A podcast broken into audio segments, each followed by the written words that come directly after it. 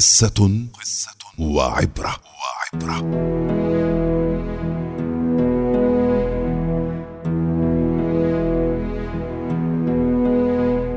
يحكى أن ديكا فصيحا وقف في مزرعته على غصن شجرة.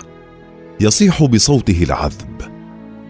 فتطلع إليه ثعلب جالس تحت الشجرة وقال له يا لك من طائر جميل أيها الديك العجيب. إني معجب بصوتك العذب. هل تسمح فتصيح مرة أخرى؟ وإذ صاح الديك للمرة الثانية. طلب منه الثعلب أن يصيح للمرة الثالثة. فالرابعة وأخيرا قال الثعلب بصوت هادئ ورقيق.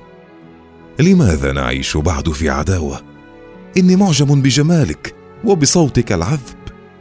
لما لا نعيش معا في صداقة؟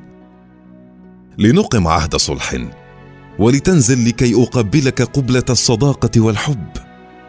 قال الديك لتصعد الي إن أردت المصالحة.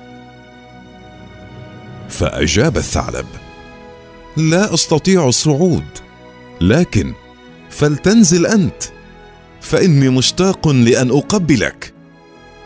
انزل سريعا فلدي مهمة عاجلة وأريد أن أعلن المصالحة معك قبل مغادرة المكان. فصفن الديك قليلا. ثم أجاب الثعلب لا مانع لدي. انتظر قليلا. بل أقول بما أننا صرنا أصدقاء ونريد الاحتفال أرى كلبا قادما من بعيد وهو يجري بسرعة نحونا وهو صديقي في المزرعة هنا.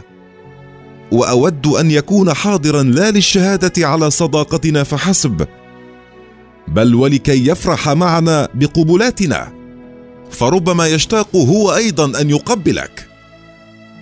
وإذ سمع الثعلب أن كلبا قادما بسرعة ترك الموضع وهرب.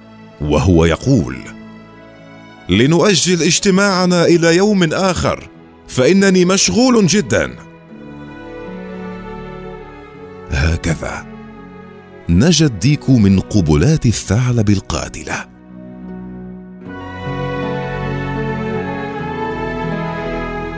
العبرة.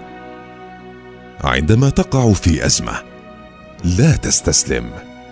بل تذكر أن تستخدم عقلك لتحصل خلاصك.